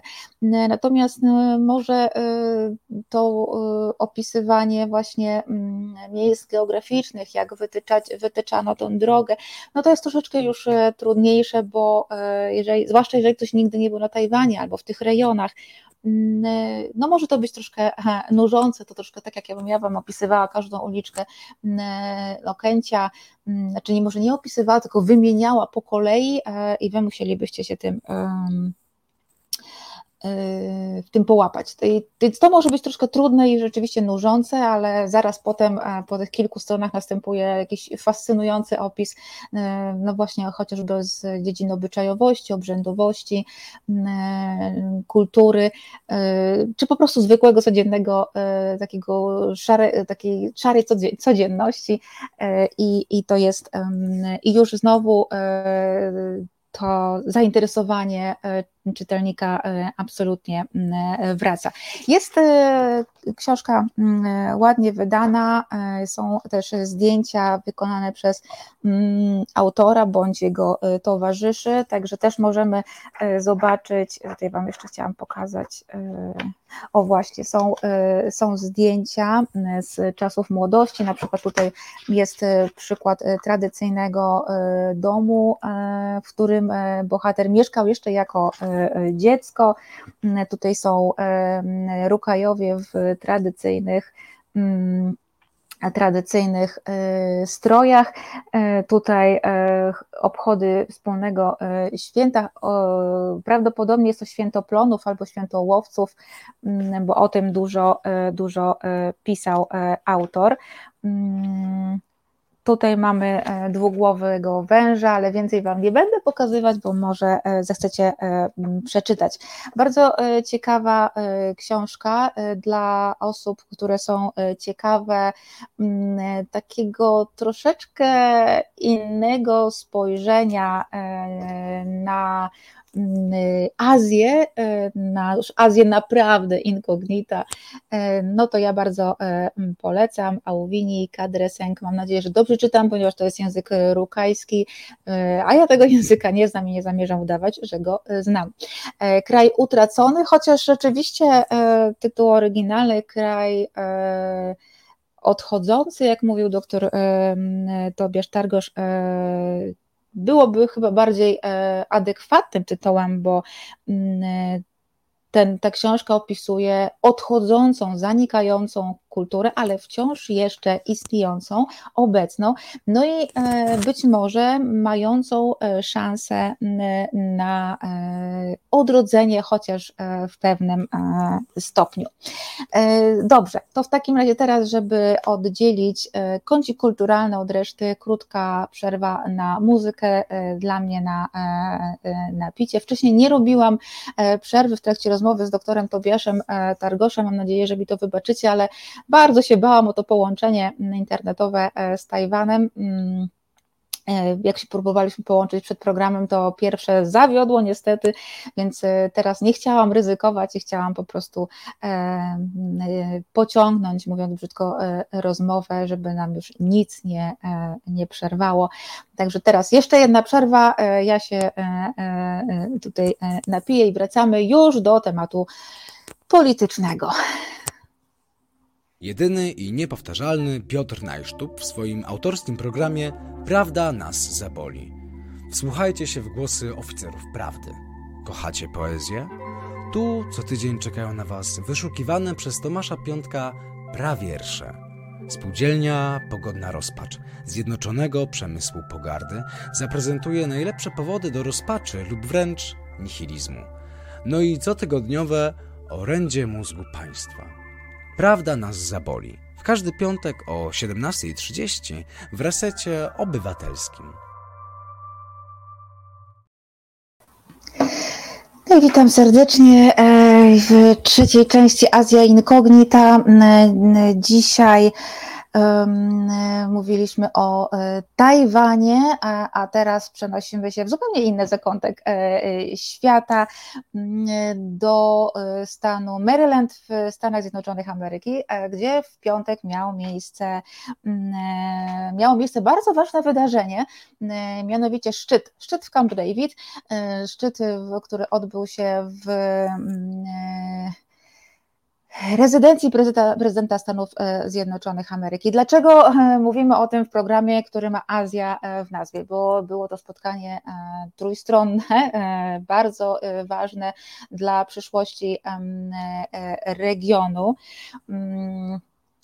E, ponieważ e, spotkali się z Joe Bidenem, e, spotkał się prezydent Korei Południowej Yoon Suk Yeol oraz premier Japonii Kishida Fumio. Mm, wiem, że pisano o tym w polskich mediach jako o przełomie, niesamowicie ważnym wydarzeniu i owszem, jest to niesamowite wydarzenie, ale bardziej niż przełomem określiłabym to po prostu jako zwieńczeniem procesu, który ma miejsce od ponad ponad roku, mniej więcej od maja oficjalnie 2022 roku, kiedy to w Korei Południowej prezydenturę objął właśnie rzeczony Yoon Suk Yeol. E, miało to miejsce, to było chyba 10 maja, czyli jakieś półtora miesiąca po rosyjskiej agresji na Ukrainę, która w Azji odbiła się e, szerokim echem. Zresztą, jeżeli oglądaliście poprzednią, e, poprzednią część Azja Incognita, to dr Tobiasz Targosz też właśnie o tym powiedział. Że właśnie ta y, y, y, wojna w Ukrainie, ta rosyjska agresja jest bardzo żywo odbierana i komentowana także właśnie na Tajwanie. No dobrze, co się zmieniło? Co się zmieniło w tym czasie? No oczywiście zmienia, powoli zmienia się troszkę układ sił, bo razem z rosyjską agresją mamy do czynienia na Ukrainę, mamy do czynienia z coraz większym rozpychaniem się e, Chin. E, to jest ładnie określane w mediach e, polskich, chyba skopiowane słówko z mediów, mediów anglojęzycznych, czyli większą asertywność chińską w regionie Indo-Pacyfiku. No i te dwie kwestie bardzo mocno niepokoją zarówno Stany Zjednoczone Ameryki, jak i Europę, jak i oczywiście kraje najbardziej tym zainteresowane, czyli Japonię, Koreę Południową. Mm, dochodzi do tego jeszcze trzeci, e, trzecia kwestia, trzeci czynnik, e, jakim jest e, Korea Północna i tutaj też no, bardzo aktywne działania mm, Korei e, Północnej, które mają e, pełne, czy które mają prawo niepokoić e, najbliższych sąsiadów. Ja już o tym wielokrotnie mówiłam, że w Korei Południowej na przykład Chińczycy stracili pierwsze miejsce, no niechlubne pierwsze miejsce w rankingu państw, których Koreańczycy z Korei Południowej obawiają się najbardziej. Teraz jest to Korea Północna. I no to, to co one się tak wymieniają, ale są, idą web w web, ale na przykład jeszcze do niedawno była to Japonia. W tej chwili Japonia powoli staje się największym Korei Południowej sojusznikiem. E, słuchajcie, sprawa wygląda tak, e, że mm, e, Moon Jae-in, poprzedni prezydent Korei Południowej, był raczej spolegliwy, jeśli chodzi o podejście właśnie do Korei Północnej i do Chin. Natomiast on, to właśnie Jae-in na przykład zakończył, czy też zawiesił wspólne manewry e, wojskowe e, żołnierzy koreańskich e, i amerykańskich. Dlaczego? No dlatego, że obawiał się, że to może drażnić Pjoniang. No i faktycznie tak było. Natomiast w momencie objęcia prezydentury, a nawet wcześniej, jeszcze przed inauguracją, Yoon Suk-yeol powiedział, że on się Pjoniangu nie boi, a przywódcę Korei Północnej to on nauczy e, dobrych e, manier. I faktycznie jest zdecydowanie bardziej e, stanowczy w podejściu do, zarówno do Korei Północnej, jak i do Chin. No ale sam wiele nie zdziała. Owszem, modernizuje armię, przeznacza na nią coraz większe środki, no, zwłaszcza, że e, było kilka sytuacji kompromitujących, na przykład te e, północno-koreańskie drony, które doleciały aż do Seulu, czyli pokonały całkiem e, spory kawałek drogi, tak sobie nad tym Seulem przez godzinę, czy nawet troszkę dłużej latały. Oczywiście cel tego był jasny, tam raczej Korea Północna nie zamierzała atakować, to nie były drony bojowe, tylko rozpoznawcze, Chodziło o zebranie informacji na temat nowej siedziby e, prezydenta, ponieważ e, Yoon Suk-yeol wyprowadził się z dotychczasowej siedziby prezydenta Korei e, Południowej. I teraz siedziba jest w innym miejscu, E, no a, Chin, e, przepraszam, a Pjoniang mógł e, tych informacji o tym miejscu zapewne nie posiada, w związku z czym chciał je zdobyć. Te drony wleciały, nie zostały zestrzelone, armia miała ogromny problem, południowo-koreańska, przywódcy armii się potem bili mocno w piersi, no a prezydent powiedział, że dobra, trzeba coś zmienić i faktycznie ta armia jest teraz modernizowana. Wróciły E, wspólne manewry, e, ćwiczenia wojskowe. E, to zapowiedział prezydent Yoon suk yeol zapowiedział od razu w dniu inauguracji, której zresztą był Joe Biden, on wtedy miał taki krótki objazd po Azji i to było bardzo ważne, że on też do Seulu przyjechał. Na krótko, bo na krótko, ale przyjechał, potem udał się do Japonii. I już wtedy było wiadomo, e, że e, Korea Południowa e, dołączy do tego ścisłego grona sojuszników Stanów Zjednoczonych w Azji. Wiemy, że oczywiście najważniejszym, najpoważniejszym takim sojusznikiem jest Japonia. Zawsze była i prawdopodobnie zawsze, zawsze będzie. Natomiast drugim takim sojusznikiem e, są e, Indie, no, aczkolwiek Indie, to te, te dwa kraje wraz z Australią e, należą do sojuszu Quad, sojuszu czterech państw Japonii, Australii. Indii oraz Stanów Zjednoczonych Ameryki, no ale, ale Indie wiemy, jak się zachowują, jeśli chodzi o E, agresję e, e, rosyjską. Ja myślę, że to się też to będzie troszkę zmieniać stosunek Indii, no ale na razie jest jaki, jaki jest. Mm, Korea Południowa, aha, no i ten, ten pierwszy tur Bidena po Azji jako prezydenta e, Stanów Zjednoczonych e, Ameryki e, właśnie bardzo dobrze pokazał, że Korea Południowa mm, dołączy do tego ścisłego grona sojuszników mm, Waszyngtonu w, w Azji sojusznik, do, do, tych sojuszników przeciwko właśnie Korei Północnej i Chinom. Ale jest problem. Jest gigantyczny e, problem, e, który e, ta trójka, ta, ta, ta trójka musi pokonać, a właściwie to dwójka, mianowicie Japonia i Korea Południowa. Od razu właściwie w momencie objęcia prezydentury przez Yoon Suk Yeola zaczęło się zbliżanie z, z Tokio, z na linii Seul-Tokio. Bardzo trudny proces, ponieważ ja już Wam mówiłam, więc odszukajcie proszę ten odcinek, bo nie mamy czasu, żeby to wszystko opowiadać od nowa jeszcze raz. Natomiast Japonię e, i Koreę Południową e, bardzo mocno dzieli e, przeszłość. Mm, cofamy się nie tylko do II wojny światowej, ale także do wcześniejszego okresu kolonizacji Korei Południowej przez, właściwie wtedy to w ogóle jeszcze Korei, przez Cesarstwo Japońskie.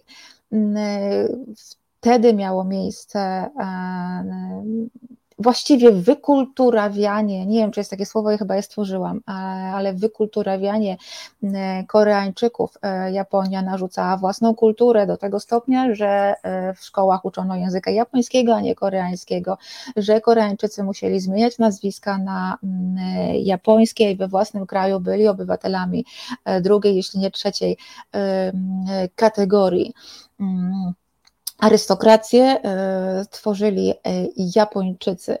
E, potem doszła kwestia wykorzystywania kobiet jako tak zwanych pocieszycielek, czy też z angielskiego comfort woman, czyli po prostu porywania, uprowadzania bądź oszukiwania, czy podstępem sprowadzania kobiet do burdeli, tych stacji komfortu e, dla japońskich e, żołnierzy, żeby im ulżyć e, w trudzie wojennym. Więc to była jedna kwestia. Druga kwestia to przymusowe przymus, praca przymusowa e, Koreańczyków w japońskich e, fabrykach, e, w japońskich firmach. Wiele tych firm, na przykład Mitsubishi, funkcjonuje do dzisiaj. To są wielkie koncerny, które według Koreańczyków jeszcze nie rozliczyły się Mm, ze swojej e, niezbyt chlubnej e, przeszłości. E, I te kwestie bardzo mocno dzielą i rządy, i społeczeństwa tych dwóch krajów. Natomiast politycy są od tego, żeby myśleć pragmatycznie i zarówno e, Tokio, jak i Seul doskonale zdają sobie sprawę, e, że w tej chwili ważniejsze jest poczucie bezpieczeństwa, zapewnienie e, regionowi bezpieczeństwa. Sami no, tego nie zrobią w pojedynkę, natomiast w, razem porozumieniu, plus e, w, przy wsparciu takiego partnera e, jak Stany Zjednoczone Ameryki, no to szanse już e, są dużo bardziej realne. W związku z czym kolejne spotkania na przestrzeni tego ponad roku, prawie no nie no, roku, nie półtora, to przesadziłam, rok i trzy miesiące mamy dopiero, mm, na przestrzeni tych 15 miesięcy, tak będzie łatwiej, e, kolejne spotkania polityków e, japońskich i koreańskich, czy to w Seulu, czy to w Tokio, prowadziły krok po kroczku do zbliżenia. O, te spotkania były trudne, E, zwłaszcza, że nie do końca były popierane poprze, przede wszystkim przez opozycję w obu tych e, krajach. Opozycja japońska w tej chwili bardzo mocno, bardzo mocno protestuje przeciwko, czy wykorzystuje e, to, że Kishida Fumio jest spolegli, bardziej spolegliwy w stosunku do Korei Południowej. Teraz jeszcze doszła kwestia wody z Fukushimy, tej skażonej e, wody z Fukushimy, którą Japonia chce wypompować do oceanu. Y, tutaj bardzo mocno protestują i Chiny, i Korea Południowa. W związku z czym e, na przykład e, obywatele Korei Południowej e, wychodzą na ulicę z pikietami, chcąc zmusić rząd Korei Południowej do stanowczego wypowiedzenia się w tej kwestii. No raczej takiego nie, czegoś takiego nie będzie, bo Seul naprawdę bardzo mocno dąży do zbliżenia z e, Tokio. E, ale e, opozycje w obu krajach wykorzystują niezadowolenie części społeczeństwa. Mm, także tutaj mamy e, zbliżenie, ale bardzo ryzykowne dla obu e, polityków, dla polityków e, obu krajów, no bo mogą, ryzykują utratę części poparcia społecznego. Co tu ja, no i właśnie to spotkanie w Camp David y, było niejako y, ukoronowaniem tych 15-miesięcznych y, starań, niełatwych starań, bo nie zawsze politycy mm, koreańscy wyjeżdżali z Japonii zadowoleni i w drugą stronę niestety także to działało. Natomiast Camp David miało pokazać, że Stany Zjednoczone mm, wspierają to wielkie historyczne mm, e, pojednanie i e, podziela i że Japonia, USA e, i Korea Południowa podzielają wspólną wizję Indo-Pacyfiku. Zaraz, czy ja znajdę ten cytat?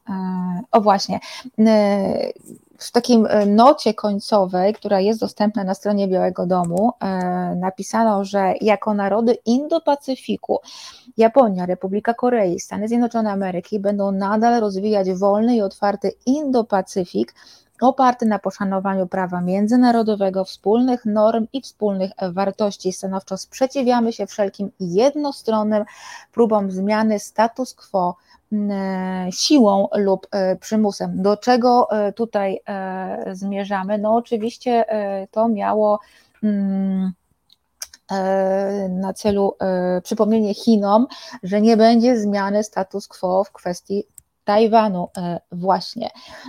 Reakcja Chin, nie mówiłam o tym, nie, nie mówiłam o tym, pisałam na Kulturazji. Reakcja Chin w postaci manewrów e, wojskowych wokół Tajwanu z tego zeszłego tygodnia e, była w dużej mierze reakcją na podróż Williama Laya, czyli wiceprezydenta e, Tajwanu i prawdopodobnie przyszłego prezydenta Tajwanu, bo jest to najpoważniejszy kandydat na osobę, która zastąpi Tsai Ing-wen na stanowisku prezydentki. On podróżował do Paragwaju, ale zatrzymał się dwa razy w drodze do i z Paragwaju, zatrzymał się w Stanach Zjednoczonych. Mm, e, no, co e, Chińczycy e, skomentowali oczywiście w swoim stylu, organizując manewry wojskowe, ale te manewry były też w dużej mierze, po części może odpowiedzią na to, co się wydarzyło w Camp David. Wszyscy obecni w Camp David mówili, że absolutnie nie jest to szczyt skierowany przeciwko Chinom, ale też każdy rozsądnie myślący człowiek wie, że był to szczyt skierowany przeciwko e, e, Chinom, e, bo w tej chwili Chiny i Korea Południowa stanowią największe zagrożenie, znacznie większe niż Rosja.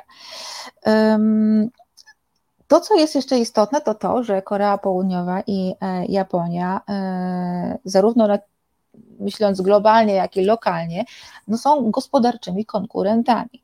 Mm, także e, sojusz tych dwóch e, dalekowschodnich e, potęg gospodarczych i technologicznych jest dla Stanów Zjednoczonych niezmiernie ważny i Waszyngton robi wszystko, żeby tenże sojusz wspierać i przyczynić się do przynajmniej czasowego przymknięcia oczu na e, trudną, e, trudną e, przeszłość. Mm, tak, obu tych krajów. Oczywiście w Camp David potwierdzono właściwie wszystko, co do tej pory ustalono, więc tutaj jakichś wielkich niespodzianek nie będzie Bardziej chodzi, e, raczej chodziło o to, żeby całą tę współpracę, która się wyłania, e, jakby to powiedzieć, wpisać e, w stałą politykę wszystkich tych trzech państw. Czyli y, nawet jeżeli, nie daj bogini, Trump w Stanach Zjednoczonych wróci do władzy, to on będzie musiał e, współpracować z Japonią i z Koreą Południową. Jeżeli w Korei Południowej czy w Japonii e, przejmie władzę opozycja, to też oni będą zobligowani do tejże mm, współpracy, czyli niezależnie e, kto e, będzie e, u władzy, no to ten sojusz trójstronny się utrzyma. Dlatego chciano to wszystko ogarnąć jeszcze za czasów prezydentury Joe, Joe Bidena. No i jak na razie to się, to się udaje. E, realne działania, no to oczywiście nadal chodzi o wspólne te manewry e, i ćwiczenia wojskowe. E, z Japonią one się już odbywają, z Koreą Południową już się odbywają, ale mają się odbywać częściej. Mm, ma być też zacieśniona współpraca gospodarcza mm, i rozwojowa, ale także międzyludzka, czyli na przykład wymiana akademicka czy wymiana mm, kulturalna, ale także wymiana na przykład wojskowych. No, wojskowych E, z Korei Południowej już e, szkolą się w ośrodkach amerykańskich. Zapowiedziano też współpracę wywiadowczą, co jest e, bardzo ważne, oraz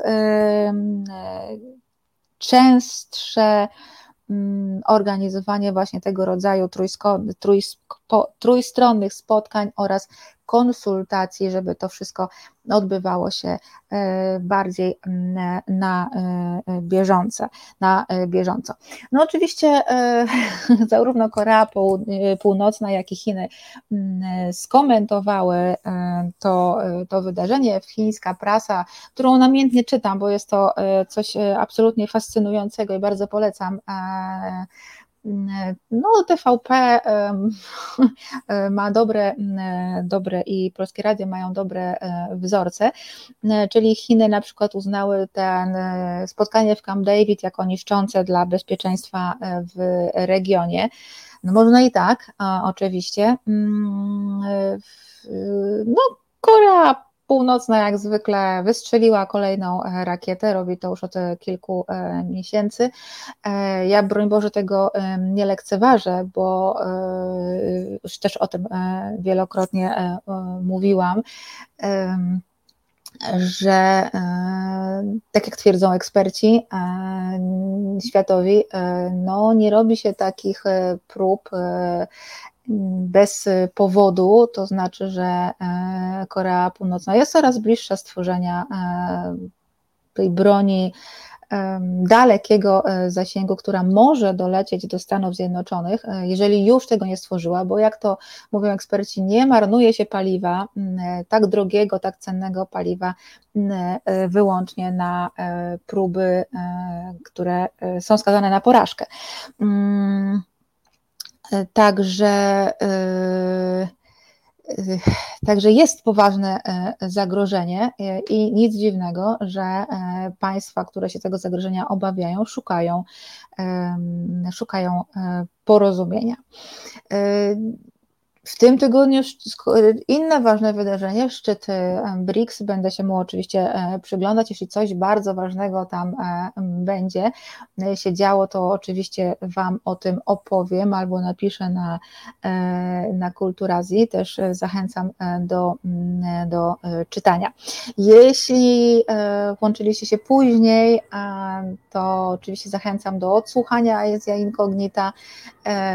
Od początku bardzo ciekawa rozmowa rozmowa z doktorem Tobiaszem Targoszem, który na pewno będzie jeszcze e, gościem Azja Incognita, bo robi bardzo wiele ciekawych e, badań i opowiada też fascynująco o tym, e, o swoich badaniach i spostrzeżeniach.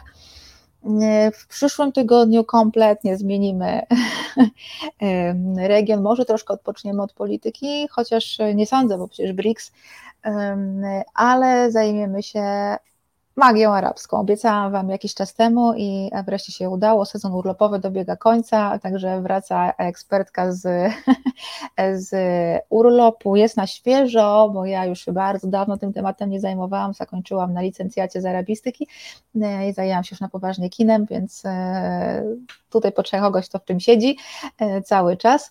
Mm, porozmawiamy właśnie o tym, a we wrześniu we wrześniu się będzie też bardzo działo. Myślę, że, że sierpień był ciekawy w Azja Incognita. E, we wrześniu też mam bardzo wiele ciekawych tematów, e, bardzo. Jeszcze nie zdradzam, bo umawiam e, gości, dogaduję ostatnie te terminy, ale naprawdę będzie się, będzie się działo, także wkraczamy w nowy sezon z Azja Incognita tak z. Bardzo Wam dziękuję za dzisiejszy mm, odcinek. Na pewno siostra Dorota o tym napisze, ale ja też powiem łapki poproszę, jeżeli w górę, e, jeśli e, Wam się podobało i też wszelkie komentarze, bardzo lubię Wasze komentarze i też propozycje tematów. Tam ostatnio, pod ostatnim odcinkiem był komentarz e, z propozycją tematu, bardzo chętnie go oczywiście wykorzystam. Jestem tutaj też przecież dla Was.